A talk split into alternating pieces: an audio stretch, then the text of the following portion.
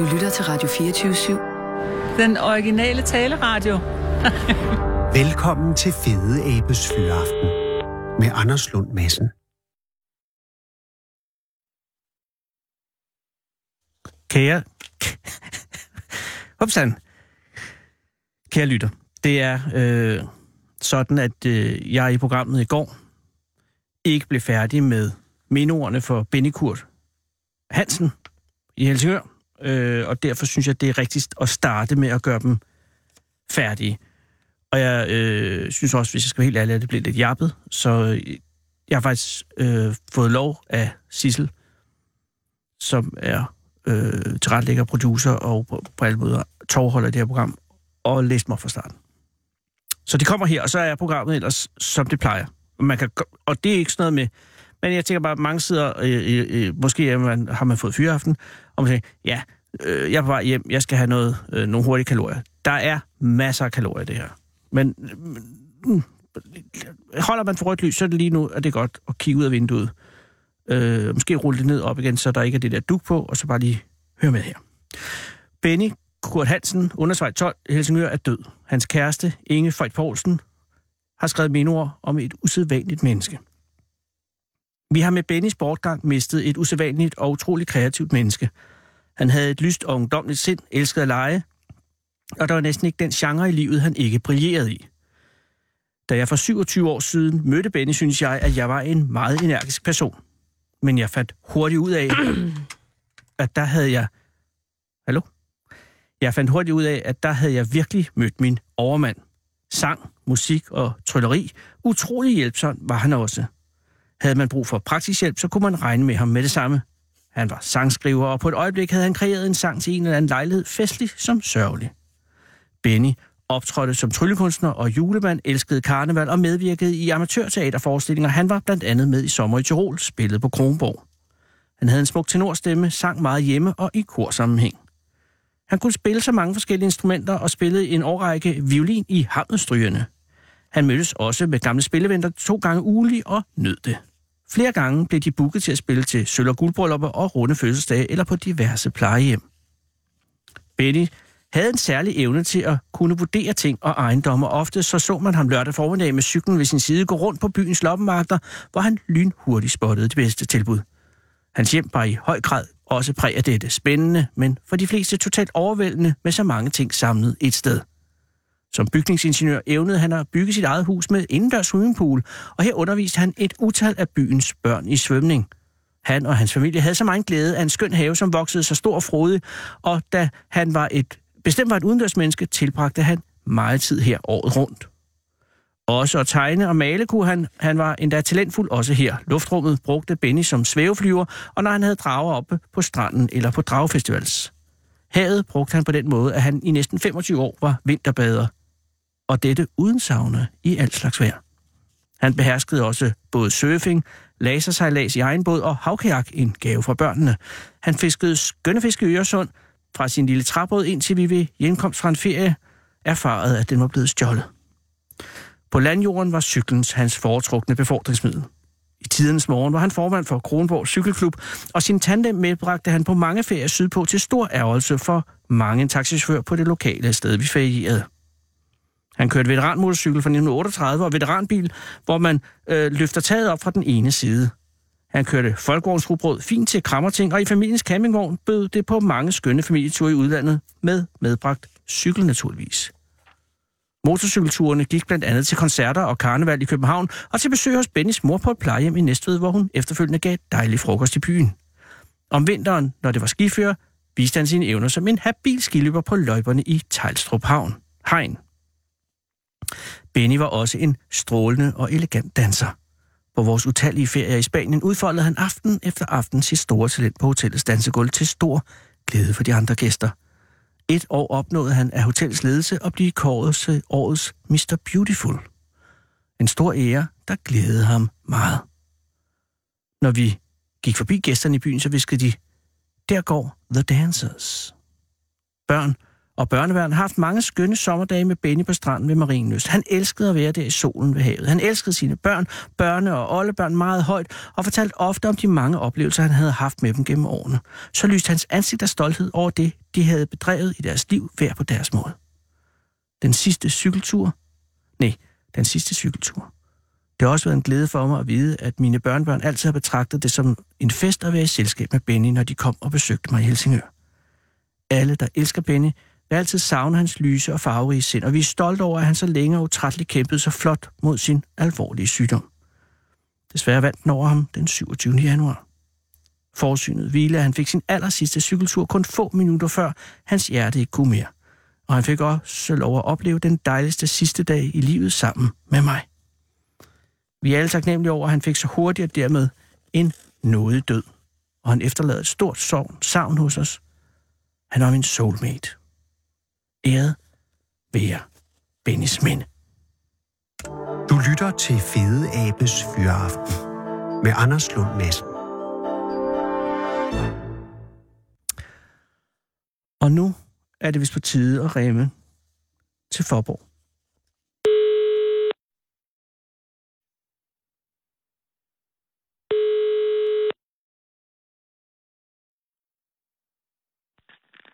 Ulla Bachner. Goddag, Ulla. Det er Anders Lund Madsen fra Radio 24 København.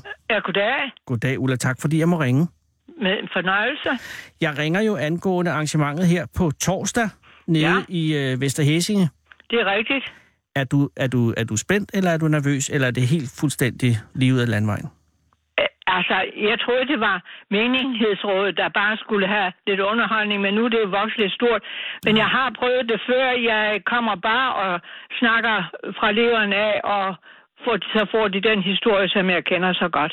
Ja, og så kan det jo ikke gå galt, Ulla. Det håber jeg i hvert fald ikke. Har du, har du fortalt det før sådan i, i øh, offentlig Jeg har sammenhæng? været ude et par gange i nogle andre øh, øh, regi og, Okay. okay. og, og give nogle små taler. Men egentlig, øh, at du har ikke været på en egentlig foredragsturné? Nej, det har jeg ikke, og jeg tager heller ikke penge for det. Det er øh, kun med fornøjelse, hvis jeg kan fortælle om Zimbabwe og det, vi har været igennem, og det skønne land, som det var. Det kan jeg godt forestille mig. Får du så øh, middagen gratis med i det mindste? Ja, det får jeg, og jeg bliver også hentet og bragt. Nå, nå. Om, Ja. Så er det da lidt, ved. Ja, ja. Og har du besluttet dig for, om du vælger øh, torsk, eller om du tager det for folk, der er fiskeallergikere? Altså, ved du hvad, jeg er alt spisende, Nå, jamen så, det der bliver ingen vanskeligheder med menuen. Nej, men øh, det er altså på torsdag klokken kvart over øh, seks, at det starter med maden, og så er du, øh, går du på klokken halv otte. Nå, ja, det ja, eftermiddagen bliver der sagt, ja. Lige præcis, ja. Ja. Og, og, og Ulla, hvad er det, øh, man kan høre, hvis man kommer til Vesterhæsingen på torsdag? Jamen, jeg blev spurgt om at fortælle, hvorledes vi, vi mistede alt, hvad vi ejede og havde i Zimbabwe. Hvorledes vi kom ud af de genvordigheder, vi har været igennem. Og hvorledes vi kom tilbage til Danmark med to kufferter og intet andet. Nej. Og det er den historie, som folk har bedt mig at fortælle om. Det er også det er, det er en uh, potent historie. Hvordan, hvor- uh, Ulla, hvorfor tog du til Zimbabwe?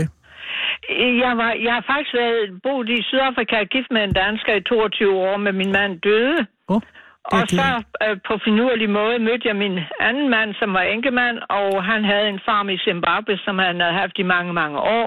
I 30 faktisk. Men jeg tænker, dig og din mand, eller du tog til Sydafrika øh, og mødte din mand dernede, eller tog derned med Nej, ham? nej, det var faktisk min ældste brors bedste ven. Åh. Oh. Ja. Nå, men så, det, det passer jo meget. Så, så, du, så du tog til Sydafrika måske for at besøge din ældste bror? Øh, nej, jeg, jeg tog derned. Vi, vi blev forlovet herhjemme, men jeg Oh. var ikke færdig med min uddannelse, så jeg havde et år tilbage. Ah. Og da det år var gået, så tog jeg til Sydafrika, og der var vi sammen i seks øh, måneder, og så blev vi gift. Han var involveret i et projekt for et dansk firma i fem år. Ja. Og da det projekt var overstået, det var faktisk i Swaziland, og da det projekt var overstået, Ja. ja. så købte vi en farm i noget, der hedder White River, nær ved Kryer Nationalparken. Og har du en fortid inden for landbrug? Nej, jeg er fysioterapeut. Ja, men så er det da noget af et- stilskift. Ja, men altså, ja, jeg fik gudsord en stilling på hospitalet, så jeg ikke skulle involveres for mad i farmen. Ah, men, Men, hvad, hvad øh, dyrkede I på farmen? Vi, det, vi producerede mælk, Åh, oh, så det var en kvægfarm? Eller øh, ja. malke, malkekøer? mælkekvæg. Nå, Ja. okay, men det er da altså noget af et skift fra fysioterapien. ja, men altså, det var min mand, der rendte farmen, og jeg Men, men kørte... du slipper ikke for et eller andet, når man ja, er på sådan en gård. fysioterapeutafdelingen på hospitalet. Okay, så du rørte ikke de køer? Ah, det vil jeg ikke sige. Hvis der var sådan lidt, der skulle øh, hjælpes at det er nogle sår, der skulle hjælpes til det, så var jeg der. Altså. okay. Og jeg leverede da også mælk nogle gange. Så når Jamen, der det er var det, der er med et landbrug. Man, kan, man bliver jo grabset ind i det lige meget, hvad man gør. Absolut. Det, det kan man ikke rende fra. Og det var en, en, god tid i, i Swaziland. Ja, de fem år, så, hvor vi arbejdede for et dansk kompani, var ganske interessante. Vi- det var, min mand fik 10.000 tønder land, der skulle laves om til en appelsin og, og, og altså en citrusfarm. 10.000 tønder land. 10.000 tønder land, hvor der ikke var andet end nogle øh, folde med nogle øh, kvæg på. Og det hele, da vi var efter fem år forlod det, så var det en stor øh, appelsinplantage. Så var der appelsiner så langt øjet rakte. Ja, det var der faktisk. Hold da op. Ja. Men, men, men, men det her er jo altså forhistorien, fordi der er den ene historie, som skal fortælles på Det torsdag i den Vester fra Hesing. Zimbabwe. Men så sker der det, og, øh, øh, og at, øh, at ja, så du kommer til Zimbabwe, fordi at, at din, din danske mand i Sydafrika, han dør desværre, Ja, han dør, ja. og, og så vælger du at blive dernede? Ja, så købte jeg faktisk et hus. Oh, Efter er at jeg fået solgt farmen, for den kunne jeg ikke køre videre længere. Så Nej. Købte jeg et hus, og til det hus hørte en annex, hvor der boede en dame, uh. og huset kunne kun sælges, hvis hun kunne blive boende i annexet. ja, og det, Og det, og, ja, ja, og det sagde jeg, det var der ingen vanskeligheder med. Og det viste sig altså senere hen at være min mands mor, min tilkommende mands mor, som boede der. Fantastisk. Og det var på den måde, vi mødte hinanden, for han var jo ellers øh, på sin farm oppe i, i Zimbabwe. Jeg købte engang et hus ude på Østerbro. Der var også en mand, der boede nede i stuen, som Ja. man heller ikke... Han, øh, altså, han, han var også med huset. Han hed Leif. Han var utrolig sød, men han havde ikke nogen... Øh, altså, altså der, der, jeg var allerede gift. Ja, Men, men, men, han fulgte med. han fulgte med, og, Ja, ja. Og, og, og, og, og, og det er jo altid ligesom en pakke, man får. Ja, men den her viste sig altså ved at være en mældig god pakke. Ja, det skal jeg love for. Ja, hvor, for hvor, mit hvor hurtigt gik der efter, at, øh, at du var flyttet ind i det nye hus, og til du mødte din øh, nye mand første gang? Uh, der gik... Uh, jeg, jeg købte ikke huset umiddelbart efter, Ah. jeg kiggede mig lidt omkring. Ja. Så jeg boede faktisk i huset i to og et halvt år. Okay. Men Ja. overvejede du ikke at flytte hjem, Ulla? Altså til Danmark?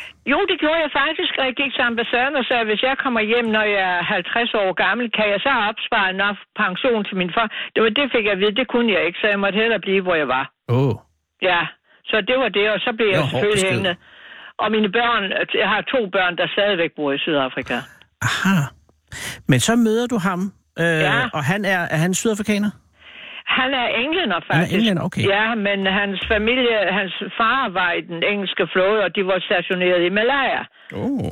Så han voksede op faktisk i White River hos sin bedstemor, hvor moren selvfølgelig yes. var også. Åh, oh, selvfølgelig. Ja, men øh, øh, han, er- han var englænder. Og han var, var han øh, landmand af uddannelse? Nej, han øh, var øh, sømand. Han var i den engelske flåde under krigen og fortsatte så i den maritime flåde, indtil han øh, blev gift første gang og, og fik familie, og så besluttede han for at gå i land, og så fandt han den her farm op i Zimbabwe. Eller oh. Rhodesia, som det hed. Der havde det Rhodesia jo. Ja, Gode gamle dage. ja. Og så sker der det, øh, så hvad år er vi her i, da I, øh, da I to øh, flytter sammen? Det var i øh, 83. Og det det var 83. tre år efter uafhængighedskrigen. Ja. Så da I flytter til øh, Rhodesia, er det blevet til Zimbabwe? Ja, det er det. Okay, da og- jeg flytter til... Øh, Ja, ja, der- ja, der var det blevet. Der var, det var tre år efter uafhængighedskrigen. Men din mand kaldte det vel stadig for Rhodesia, ikke? Nej, Eller vendte man så hurtigt til det nye navn? Jamen, det synes jeg faktisk, at øh, mange af, af- af vejene og så videre blev lavet om, og det, og det synes jeg, det mærkede jeg faktisk ikke. Nej. Det var de, de mennesker inden for landbruget, som vi kendte, mm. det var ikke kolonister. Det var mennesker, som var opvokset i Zimbabwe eller Rhodesia, hvad nu end kalder det, Mm. og som havde været tilknyttet landet nogen i generationer. Ja. Det var ikke nybyggere, det var ikke kolonister, der var kommet og røde landet. Nej. Det var alt sammen familieejede foretagender, de fleste af dem. Ja. Og, og, Og- og den gård, som han... Hvad hedder han, din mand? Han hed Michael. Michael. Den, den gård, som Michael havde, øh, var det en stor gård? Det var, det var, vi havde to. Den ene hed Waverly Farm, den anden hed Malabar Farm. Og den var på en 1600 tønder land. Men op. altså, det, det siger, åh oh, gud, det var en stor farm. Men Ja. det var en almindelig, middel øh, stor farm, vi havde. Der Det er jo var, et stort land. Ja, det var stort land. Der er familieforetagender, der havde farme op til 10.000 tønder land. Så, Så magen til den nede i Sydafrika. Men hvad, hvad, er vi her? Er vi nede ved Bulawayo, eller er vi oppe nej, i den vi nordlige? er, vi er 100 km uden for Harare, oh. mod den øh, øh, øh, grænsen ind til Mozambique. Yes. Dejligt område, en højslette med subtropisk klima. Det var skønt. Meget, meget smukt sted. Og, Ja. og, og, og er det også malkekøer, vi kører her? Nej, Nå. det var tobak, Tobak. Majs. Majs. Der var, vi havde kvæg også. Det, det var mit kvæg, som jeg fik i bryllupsgave, faktisk. Har du fået kvæg i bryllupsgave, Ulla? ja. Hvor mange stykker fik du? Jeg fik 100 øhm, køer, avlskøer, Hereford avlskøer og to tyre. Jesus. Ja. Så det, jeg skulle have noget at bestille. Det, det, Det er en man mand, der Jeg kan mener ikke rende rundt her, ikke have noget at lave. Nej, nej, selvfølgelig ikke. Men er du stadig fastholder din uh, fysioterapeut-identitet? Nej, det kunne jeg ikke. Der var ikke lejlighed til, da jeg først kom til øh, Zimbabwe. Nej. Der var så de to det kørt. sluttede i, i Sydafrika. Godt så. Og så har I uh, hvor mange gode år i Zimbabwe, før det går galt? Vi har faktisk 20. Hold da op. Ja, Så 20. det er helt op til efter 2002. 2002. Ja. Det var, altså, landet blomstrede. Mm. Og det var, jamen, det var et paradis på jorden for alle. Mm. For alle vores arbejdere. De var glade, de sad i huse med elektricitet, de havde tv, de havde rent vand. Uh, når vi købte en bil, så købte de en cykel. Og uh, alle var glade. Børnene gik i gode skoler, der var transport, der var alt til dem. Hvor mange, hvor mange ansatte var der på sådan en gård? Vi havde 40 familier. Hold da op. Ja. Jamen, det var... Ja, men Ja, det er jo lyder 40 meget, familier, men så altså, det det, er var, jo- det var normalt til vores... Ja. Der var 40 familier, og mange af dem var børn af, af, af de mennesker, som min mand først ansatte. Ja. Der var faktisk bedsteforældre med børnebørn øh, på farmen også. Det var sådan et godt gammelt familiehistorie. Ja. Og, og, Og og alt det sluttede i 2002. Men det sluttede for os. Ja. Vi kom hjem med to kufferter. Men hvad på, skete der, på vores... øh, Ulla, i 2002 i Zimbabwe?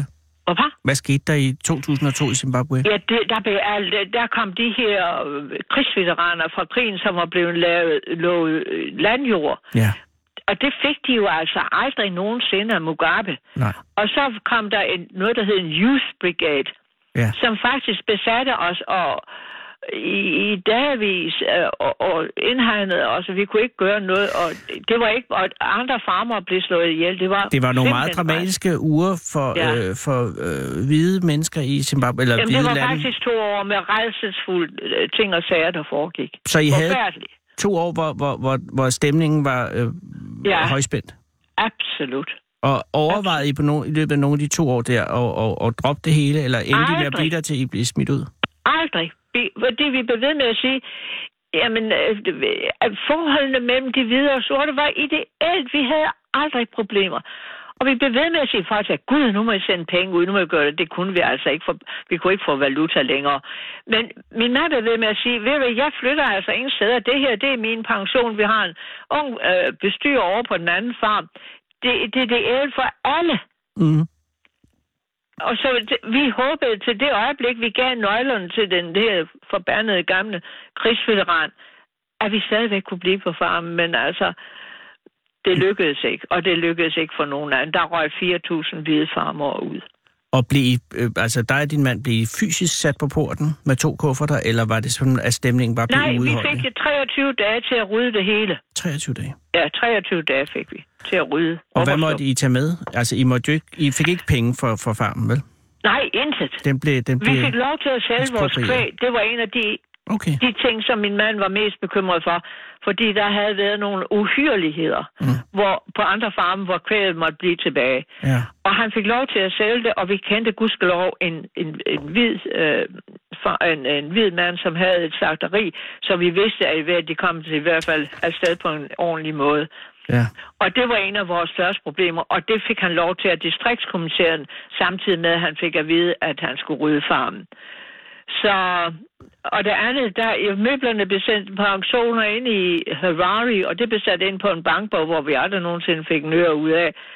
Vi ryddede det hele, vi gav væk, vi gav bøger til vores lokale lille skole, og, mm. og hvordan vi kunne hjælpe vores øh, ansatte. Og, For og, de mistede faktisk mere, end vi gjorde. Vi kunne tage hjem til Danmark til, til en, et, øh, en kontanthjælp, men de kunne tage ud til landet til deres øh, gamle mødre eller ja. bedstemødre, og de mistede faktisk livet, for der var intet tilbage for dem. Og hvornår kom I så hjem til Danmark? 2002, 2002. Nå, det ja. var der, det simpelthen øh, endte for jer. ja. Og så har I boet... Øh, er, er Michael stadig hos dig? Nej, jeg mistede Mike for to år siden. Det er jeg ked af at høre. Ja, det var lidt trist. Men han, han, var, han, han blev i øh, Vesterhæsinge. Nej, vi bor i Forborg. I bor i Forborg. Det er da i rigtigt, undskyld. I bor i Ja. Forborg. Ja. Øh, og er det, fordi du er fra Forborg? ja, det er jeg faktisk. Mine Okay. forældre boede her i Forborg, så jeg kom hjem til noget, vi kendte lidt til. Og min mand havde været her på ferie mange gange, da mine forældre var stadigvæk i live. Og da vi skulle finde ud af, hvor vi tog hen, så siger han, ja, til Forborg, det er det eneste sted, jeg kender. Og det er jo noget et skift fra øh, Zimbabwe til Forborg. Ja, men vi var... Jeg havde stadigvæk mit danske pas, det var derfor, vi kunne komme ind. Ah, heldigt. Og han klagede aldrig, vi var mere end taknemmelige for den hjælp, vi har fået i Danmark. Ja. Når vi sammenligner med nogle af vores venner, som endte op i, øh, ja, ikke så morsomme omstændigheder, som Nå. vi... Men det er en vild historie, at, at, det, altså, at man kan have... Og så ende i Forborg med to kufferter. Men, og, Ja. og, og godt, at I ikke, at I ikke øh, gav op der. Ja, nej, For det lyder på alle. Vi måder, som om var, du ikke har vi givet noget som helst op. og taknemmelige, og, og især Mike, han klarede det strålende. Nå, det er godt. Ja, Ja, lige indtil han så ikke klarede det mere. ja, Men det han er, havde men et godt er langt liv. livet. Ja. Ikke også? Ej, ved du, det, altså, det, jeg kan på det varmeste anbefale, at man kommer på torsdag og hører det her i Vesterhæsing. det var godt, Anders. Jeg skal lige spørge dig om Ja, noget. hvad kan jeg gøre? Den eneste gode øhm, ulandshjælp, jeg nogensinde har set, det var da dig og din bror Ja. købte en lastbil og fyldte den med mig, så kørte ud Ja. til vores gamle øh, ansatte, som sultede ude i... Det var, det var ikke så langt. Det var lidt længere sydpå. Øh, så Nå. jeg husker. Nej, det er løgn. Vi kom bare ind via, øh, vi- via Sydafrika og, og Bulawayo Lufthavn, og så kørte vi op nordpå, fordi man ja. Måtte ikke... Og, og vi måtte ikke være journalister, fordi det øh, Nej, Mugabe det er Så jeg var ja. Chief Motivational Officer. Ja, men meget I stolt fik af. noget majs uddelt. Ja, ja. Ja, men det var rigtigt, og det har jeg tænkt på i mange år. Det, det er den ulandshjælp, jeg kender til, som virkelig kom ud, hvor den skulle gøre nytte. Det skulle lige passe andet. Det var, Ja. noget, det, det var, vi skulle jo gøre, Ulla. Ja. Vi havde vundet en million, og vi Ja, måtte men ikke det beholde ved jeg. Ja, det. er benhårdt. ja. ja. Ja, men altså, øh, held og lykke på torsdag, Ulla, Ja, tak skal du have. Og, og, og tag torsken. Det er mit råd til dig. Jamen, det gør jeg, hvis den er på menuen. Det er den. Det hedder Men- torsk med det hele. Nå, for søren. Ja, det var skønt. Det var dejligt, og det er sundt også. Lige præcis. Ja, Tak fordi jeg måtte ringe og have en god Ja. aften. det var en fornøjelse i lige måde, tak. Hej Ulla. Hej. Kom hele landet rundt i Fede Abes Fyraften. Her på Radio 24 /7. Og tøvs, det er det originale taleradio for Danmark. Kære lytter, det er i dag den 6. marts 2018, og det er folkesangerinden Trilles fødselsdag i dag. Det vil sige, at Trille døde jo faktisk for halvandet år siden, så egentlig har hun vel ikke fødselsdag længere, men Trille er født den 6. marts 1945, to måneder, ah, lige knap to måneder inden general Montgomery befriede Danmark fra den tyske besættelse, og i mit hjerte vil Trille aldrig dø. Eller vil hun? Man dør jo tre gange, skrev den amerikanske hjerneforsker David Eagleman engang i en bog. Første gang, når kroppen ophører med at fungere, og anden gang, når livet nedsænkes i graven, og tredje gang er så det øjeblik en gang i fremtiden, når dit navn bliver udtalt for sidste gang. Og nu er jeg jo bange for, at Trille dør med mig, for jeg er 54 år og lever ikke for evigt, og når jeg ikke er der længere til at udtale hendes navn, så ved jeg jo ikke, om der er andre til at tage over. Og hvis ikke, så dør Trille for tredje og sidste gang, og hvad skal der så blive af verden? Hun døde første gang den 17. oktober 2016, to dage efter min fødselsdag i øvrigt, da hendes krop ophørte med at fungere efter en kort tids kraftsygdom. Og hun døde anden gang fredag den 21. oktober 2016, fire dage senere, da hun blev bisat i Præstø Kirke, mens Mette Markmann og Ole Fikke og Øjvind Overgaard spillede og sang, og hospitalspræst Birte Gunhild Friis prædikede så smukt. Og flere hundrede mennesker græd derved. Og nu er det så den tredje død, der lusker rundt derude i randen af bevidstheden, som en af de indvandrede gråbrune ulve over fra Vestjylland, som nu holder børnene inde i de vestjyske stuer, og kun de allermodigste voksne vestjyder våger sig ud i skovene derovre. Og den eneste måde at holde den ulv væk, er ved at vedblive med at udtale Trilles navn. igen og igen. Så jeg siger tillykke, Trille, med de 73 år, for du er her stadig, Trille, så længe jeg udtaler dit navn. Og jeg bliver ved, Trille, det lover jeg, for jeg har dårlig samvittighed over det med novellen dengang. Og hvis jeg skal beholde dig, hvis jeg kan beholde dig her i verden endnu en stund, så er det da det mindste, jeg kan gøre, Trille. Jeg forelskede mig i Trille, da jeg var 11 år, og hun udgav den kønspolitiske milepæl lige midt mellem patriarkatets ulækre øjne, LP'en Hej Søster, som væltede Danmark og lagde landet i benlås, og sikken en benlås. Trille bestemte ikke alene, hvor det nationale skab skulle stå. Trille stillede personligt skabet derhen og bankede så mange syvtommersøm gennem benene og ned i gulvet, at ingen sidenhen har magtet at flytte det igen.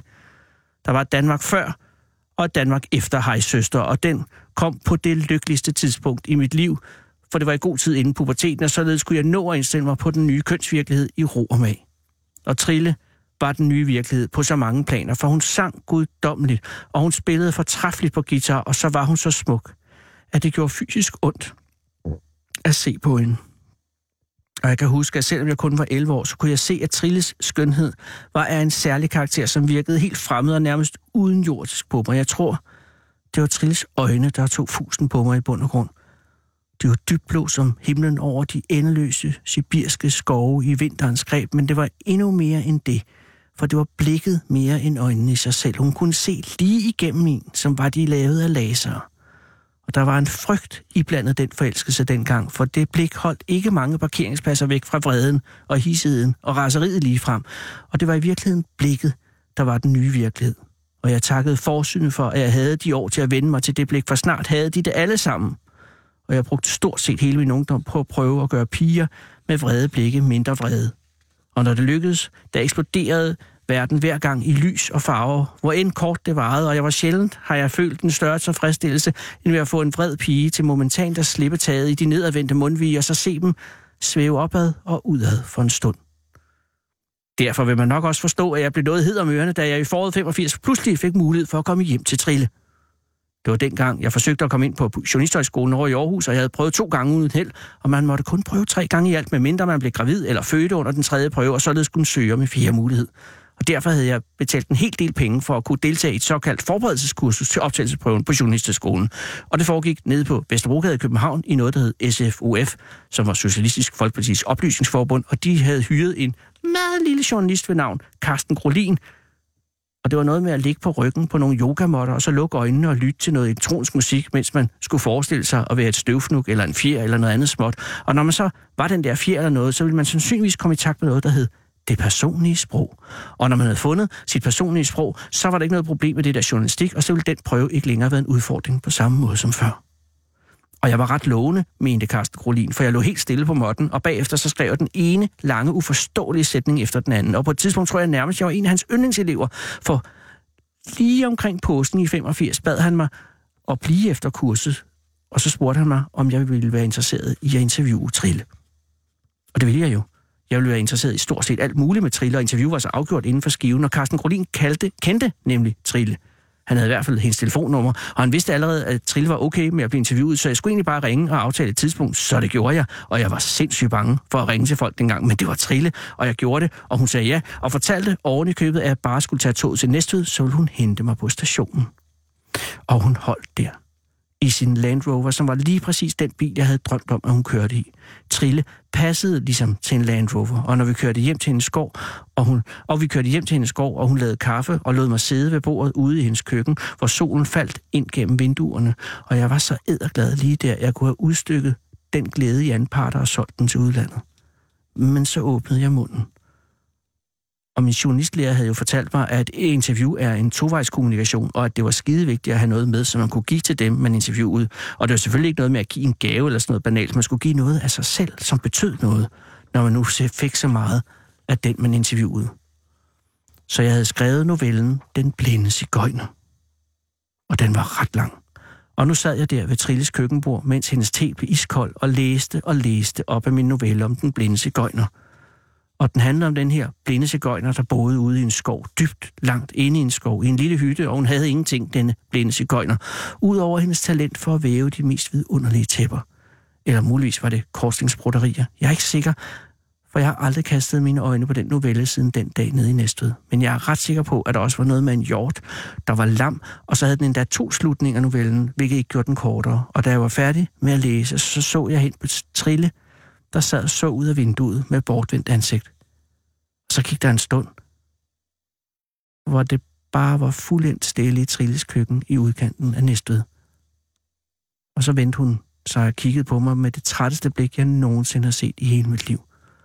Og så sagde hun, at hvis vi kørte nu, så kunne jeg faktisk godt nå et tidligere tog hjem til København. Jeg så aldrig Trille siden. Og nu er hun død to gange, og hvis jeg ikke udtaler hendes navn igen og igen, så dør hun tredje og sidste gang. Så Trille, Trille, Trille, denne her er til dig. Den er af dig og med dig, og jeg er stadig lige så forbasket glad for dig. Tillykke med dagen.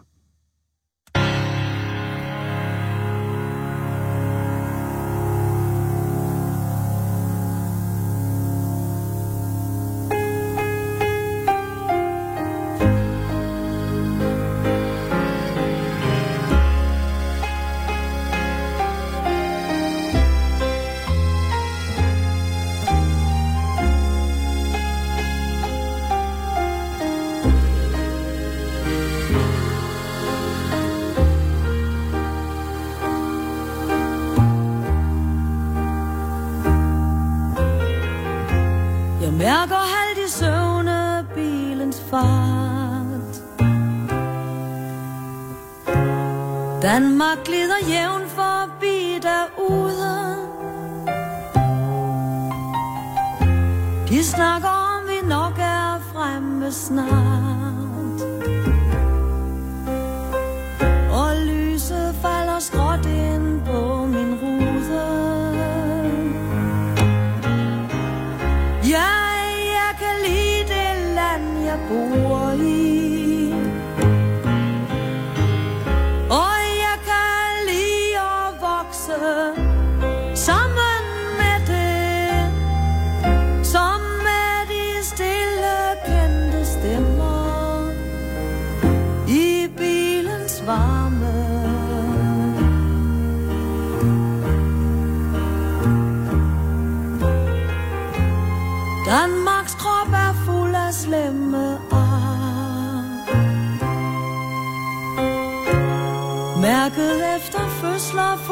Af smerte. Men det er nu den krop, som Danmark har. Og jeg behøver lyden af dens hjerte.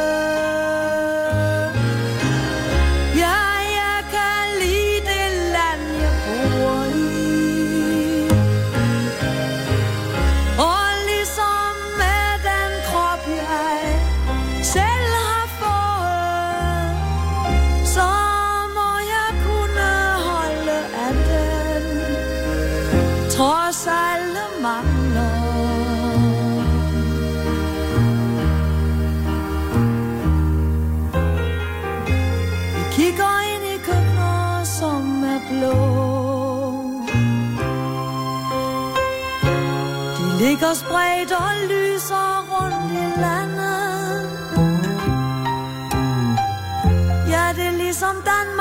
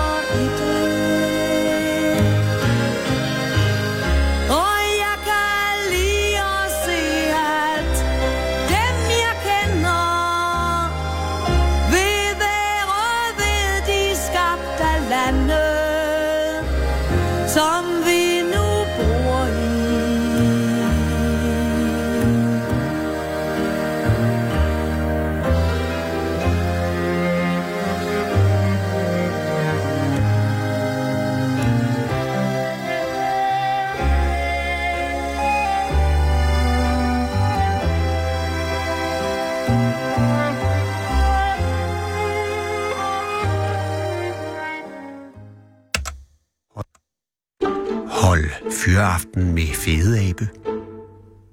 Her på Radio 24 i Fede Abes Fyraften.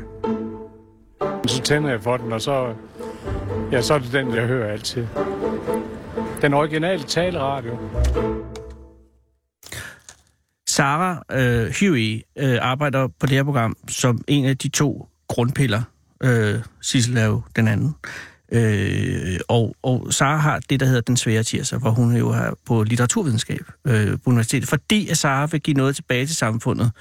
Øh, og, og, øh, og, og derfor har hun været presset til at lave øh, sin research i pausen. Og alligevel er hun magt at komme fra... Hvor studerer man litteraturvidenskab henne, Sara? Ja, de er, øh, undskyld, hør I efter, vi er ved at lave et radioprogram. Hvor studerer man litteraturvidenskab henne? Åh, oh, KUA, ja, hvad er det? Ja, jeg ved det godt, Einstein, men hvilket, altså, Amager, ja tak. Så hun har kørt helt fra Amager og komme herhen og, for, og, og, og være så rar og venlig og, og, og gå ud og, og finde manden på gaden. Og her sidder du. Ja. Goddag, hvad hedder du? Jeg hedder Bennert Markenhauer. Det er et fantastisk navn allerede der. Ja, Bernhard. ja det er hjæl- selvkomponeret. Ah, ja, så ved man også, hvad man onkel. får. Altså B-E-N-A-R-T. B-N-N-E-R-T. Og Bernhard. Ja. Hvor fik din onkel inspirationen til det navn fra? Uh, det var en kombination af, af Lennart og uh, Bennett. Det er selvfølgelig øh, godt tænkt, og havde han nogen særlige om eller tanke med det? Ikke? Nej. Han, han kunne bare godt lide det. Ja, Og han ja, overtalte så din øh, far, ja. og således kom du til at hedde Bennert. ja netop. Ja. Ja. Og, og efternavn, hvad er det?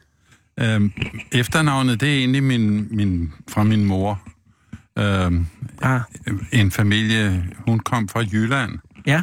Øhm, så de var øh, døtre, der var 14 børn der i den familie, og, og de kom til, til København og, og traf min, min far, som Ikke var... alle 14 døtre, håber jeg.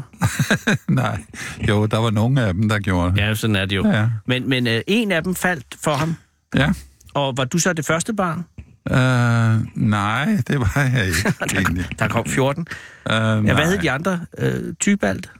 Nej, har, har de andre også øh, selvkomponerede navne?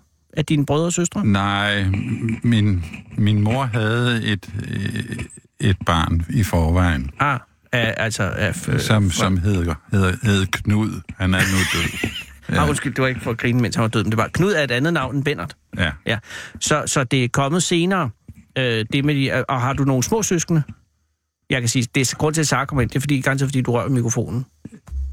Det er noget af det farligste, man gør i radioen. Nej, jeg har, ikke- det var den eneste. Min, Nå. jeg havde min bror der. Nå, okay. Ja, så der var Knud af dig. Ja. Og at du voksede op i København? Ja, Så du på er... Vesterbro. Og, øh, og, og hvor gammel er du, Bennett? Jeg er 83. Det er jo en alder. Ja, Øh, du holder dig godt. Du ligner ikke en på 83. det lyder godt. Jamen, øh, jamen, men der er mange på 83, som ser det stedet gammel ud. Jeg vil sige, du ligner måske en, der var 65 eller sådan noget. Nå, det Ja. lyder, ja. Ja, men, men, men du har haft, har du haft et, et, et, et, et let liv, siden at, at du ikke er ældet så meget? Øh, jeg har været meteorolog,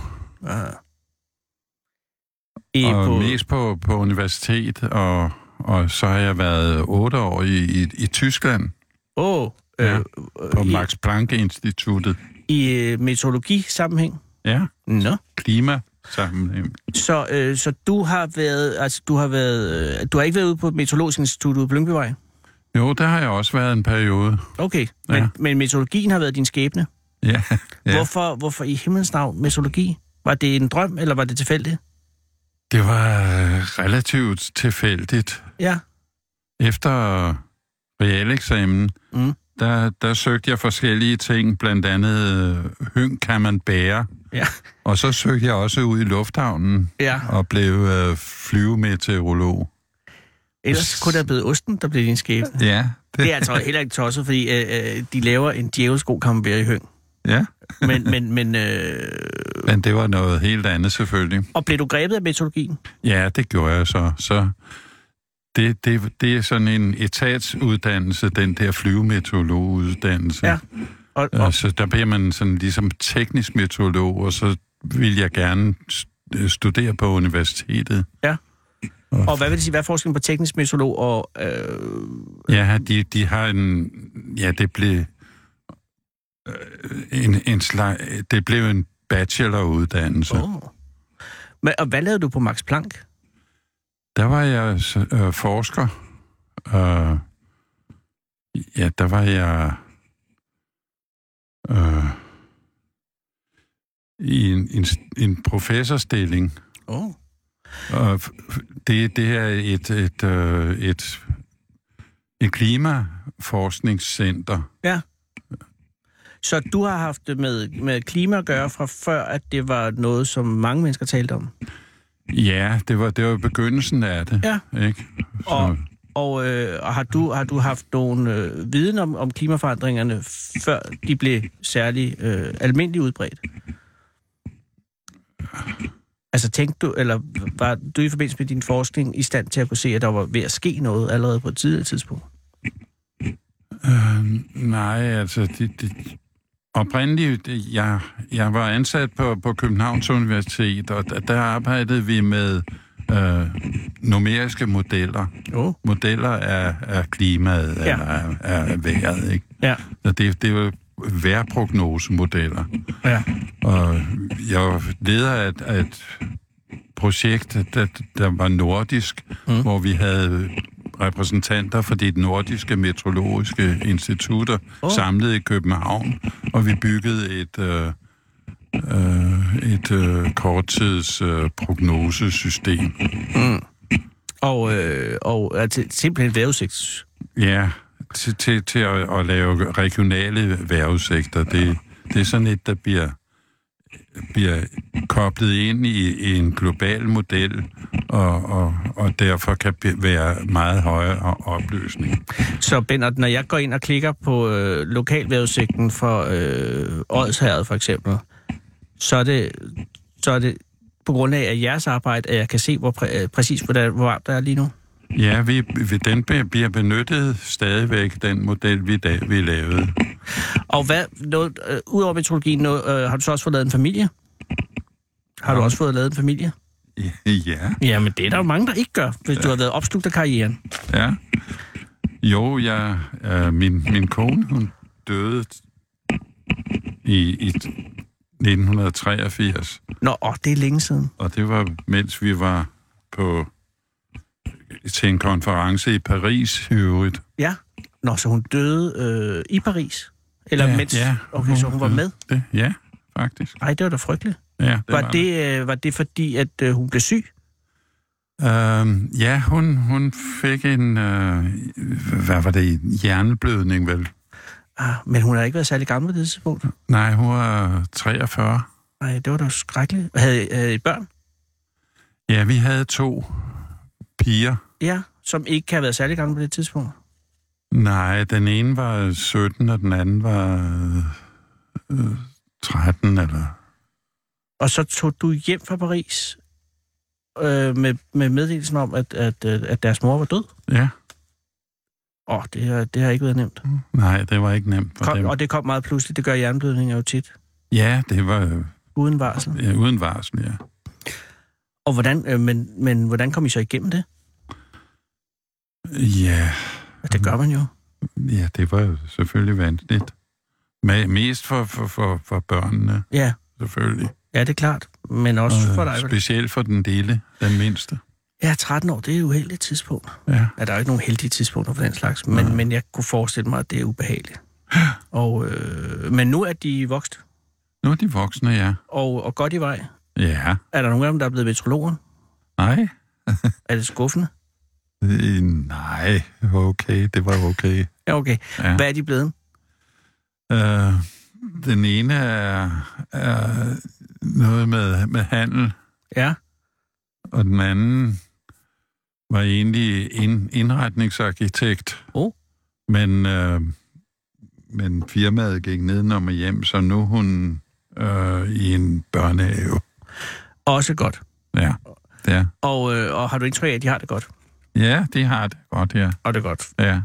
Men, men, men, øh, men, men der, altså i, i 80'erne efter, at øh, I blev alene, Ja. øh, arbejdede du så videre, eller lå du være med at arbejde? Hvordan kommer man igennem sådan noget? Øh, jeg arbejdede videre. Ja. Jeg, Ja, det er jo selvfølgelig også nødt til, fordi det, det skal jo Ja. forsørges. ja. Øh, Jeg var... Eller... Jeg var på det daværende tidspunkt på, øh, ansat på universitetet, men det, det foregik jo som sagt, at hun blev syg og, og kom på hospitalet i, i, i Frankrig. Mm. Og i øvrigt så var jeg sammen med, med Voldborg, og han var, han var tolk. Jeg er ikke så stiv i, i, i fransk, men det var han. Så Voldborg tolkede dig til fransk? Ja, han tolkede på, på, på hospitalet. Nå, du tolkede på hospitalet. Ja. Men du gennemførte vel ikke konferencen efterfølgende, vel? Nej, nej, det, det, jeg, jeg var færdig med mit foredrag, men Okay.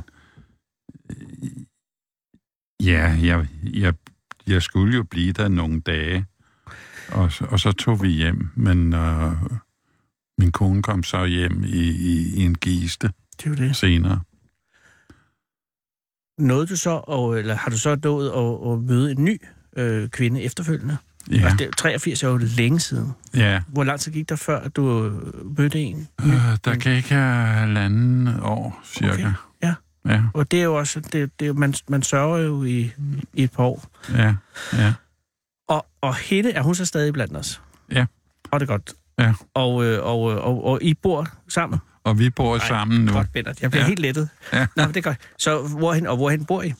Vi bor på Frederiksberg. Nå, og, og, og, og du er jo, så du er flyttet fra Vesterbro til Frederiksberg. Det er jo, det er jo noget af et, et, kulturelt flyt i hvert fald. Ja, det er det. Og har Ja, du tænkt dig at blive boende der til den dag, du dør? Det har jeg Eller planlægger tænkt I mig, at ja. lave noget? Ja. De er lige ved at renovere ejendommen, så nu er der blevet... Der skulle blive en elevator, Åh. Oh. og det var jo meget rart. Men vi bor kun på første sa- sal, så Men jeg kan se, at du bruger stok, ja, så det er måske meget rart med en elevator. ja, det er det nok. Er man bekymret, når man er 83 for, at man kan blive boende i sit eget hjem? Altså, hvor længe man kan blive boende? Og hvornår man er afhængig af hjælp og sådan noget? Ja, men... Ja. Det, det, det er man vel nok, men... Men øh, jeg, jeg er ikke, ikke særlig bekymret. Vi har, vi har også et sommerhus Åh, oh, hvor godt. i Øjsherred. Så er det godt med lokalvejrudsigten for her. Ja. Ja. er du bekymret med hensyn til klimaet? Jamen, det er jeg meget, Mm. ja. Øh, og og øh, når, altså, når du ser de her voldsomme vejrsituationer, vi har i verden i de her år, er det så noget, du tænker, at øh, hvad, sagde, hvad sagde vi, eller, eller er du først og fremmest bedrøvet? Jeg er bedrøvet over, at man ikke tager det mere øh, seriøst.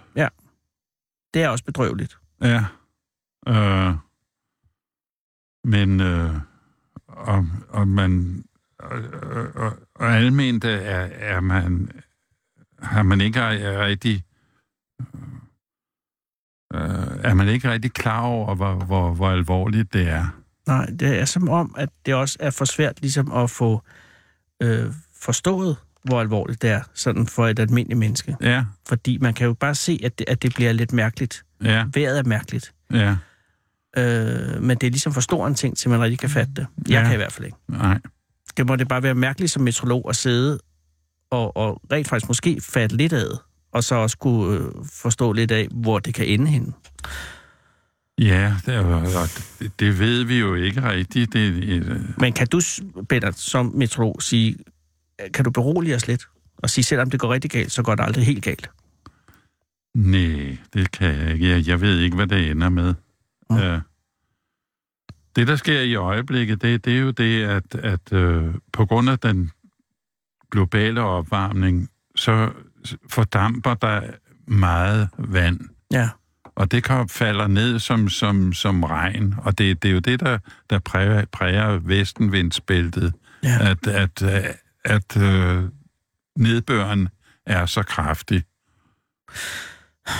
Man, man ser en masse oversvømmelser, og ja. øh, også de steder, hvor luften synker ned i subtroperne, Ja. der bliver der øh, skovbrænde og, og udtørring af, af, af, Landjorden. af jorden. Jeg er bange for Golfstrøm, hvis den vinder. vinder. Det, Det, den, det kan den også, ja. det, er Men, der, jeg, øh, det er der, jeg, min frygt ligger. Fordi så har vi pludselig en kold situation heroppe. Ja, Men det kan du ikke afkræfte muligheden for. nej. Øh, der, der har været øh, antydninger af, at det, det, det kan ske. Men, men det, der sker i øjeblikket, det, det er den øh, øh, forøgede fordampning og den forøgede nedbør, der, Ja. ja. der, der kommer. Og det kan vi kigge lige ud af vinduet og se på. Nå, men det skal nok gå det hele. Og det bliver det kun er det, jeg værre. hørte dig sige. Det bliver kun værre jo. Ah, det jeg hørte dig sige er, at det skal nok gå. Nej. Vi skal ikke være bekymrede. Det, det, det ligger mellem linjerne på det, du siger. Nej, det, det tror jeg ikke, jeg siger. Hmm. Tværtimod. Jamen, Det er, det er jeg lidt ked af at høre. Ja. Kan det bremses, Bennett? Ja, det kan bremses, hvis, hvis man øh, reducerer udledningen af, af fossile gas. Jeg kører i elektrisk bil. Øh, Kører du i elektrisk bil, Bennett? nej, det desværre. Det er også, du er 83, du har gjort dit.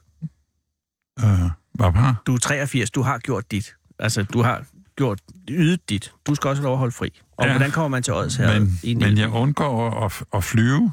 Nå, er det er, er, er årsager? Ja, Ja, det er, og, øh, det er faktisk også meget effektivt. Men nytter det noget? Nej.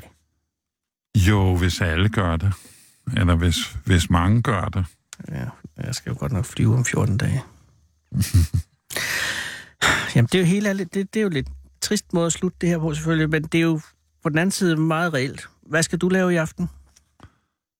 Uh, yes, jeg har ikke nogen specielle planer. Du skal hjem til fruen, Ja, og hvad hedder din kone? min kone hedder Jette. Du skal hjem til Jette. Øh, laver Jette mad i aften? Ja, det tror jeg. Ved du, hvad I skal have? Uh, nej. Er det hende, der laver maden? Ja, det er det. Okay. Ja. Hun, øh, hun arbejder kun to dage om, om ugen Okay. nu, Som og er, hvad? er på, på, på vej til at blive pensioneret. Og hvad er hendes arbejde? Hun er klinikassistent, Oh. tandklinikassistent. Så hun er god til tandsten. Ja. Men to dage om ugen alligevel, hvor gammel er hun? Hun er øh, s- 66, 65. Det er jo ingen alder. Ja, hun er stadigvæk 65. Gud, det er en meget ung kone, du fandt. Ja. Jamen, sådan er det jo. Ja. Øh, nu øh, vil jeg øh, lade dig... Jeg synes, du skal have en taxa hjem. Hvis du har lyst, så øh, vil vi gerne give en taxa hjem. Okay. Øh, fordi det er ved at blive sent, og, øh, og Jette skal ikke blive nervøs. Nej. Nej. Så det, øh, det vil øh, Sara ordne. Det og så lyder må jeg godt. så ikke sige tak for dit meteorologiske bidrag til os alle sammen. Ja, tak. Og tak fordi du kom. Og, øh, og have en god tid i Odsherred, henholdsvis Frederiksberg. Ja, tak. Tak. Farvel, Bennert. Farvel. Hold Fyraften med Fede Abe. Den originale teleradio. Her på Radio 24 Og mens Bennert forlader studiet, tak for i dag, Bennert, så vil jeg også øh, forlade den her radio. Det bliver nu AK247. Det kan I glæde jer til. Og vi kommer igen i morgen. Der er rigtig mange historier, der ligger over for i dag. De er ikke tossede. Glæd jer. Klokken er